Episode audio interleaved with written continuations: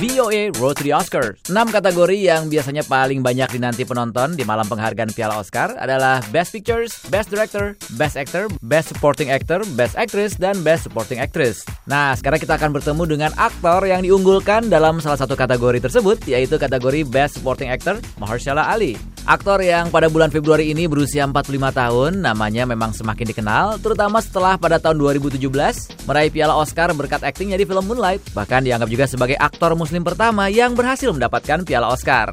Di awal tahun 2019 ini, ia juga baru saja membawa pulang piala Golden Globe Award sebagai yang terbaik dalam kategori Best Supporting Actor dalam filmnya yang berjudul Green Book, di mana ia masuk nominasi dalam kategori dan film yang sama untuk piala Oscar tahun ini. Dalam film Green Book, Mahershala Ali berperan sebagai musisi jazz terkenal berkulit hitam bernama Don Shirley dan mengisahkan perjalanan tur musiknya bersama supir sekaligus penjaganya yang berkulit putih ke bagian selatan Amerika yang saat itu masih sangat membedakan warna kulit.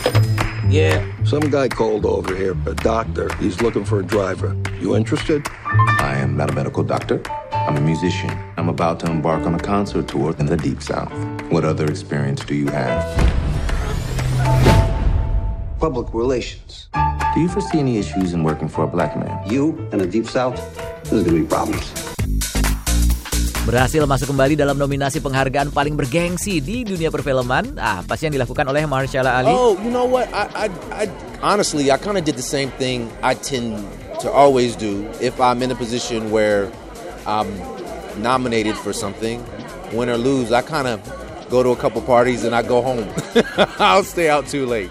Uh, keep it real simple. So um, it was just a matter of my wife and I just kind of taking it in and being really grateful. Di Hollywood ada tradisi pesta yang dihadiri setiap peraih nominasi atau pemenang setiap kali ajang penghargaan besar digelar, seperti pesta setelah Golden Globe Awards atau di Oscar. Namun Mahershala Ali memang dikenal tidak suka berpesta hingga larut malam untuk merayakan kemenangannya di setiap ajang penghargaan. Paling hanya datang sebentar terus pulang ke rumah. Ia lebih memilih untuk menghabiskan waktu bersama istrinya dan mensyukuri apa yang telah ia capai. Tahun 2018 yang lalu memang menjadi tahun yang sibuk bagi Mahershala Ali.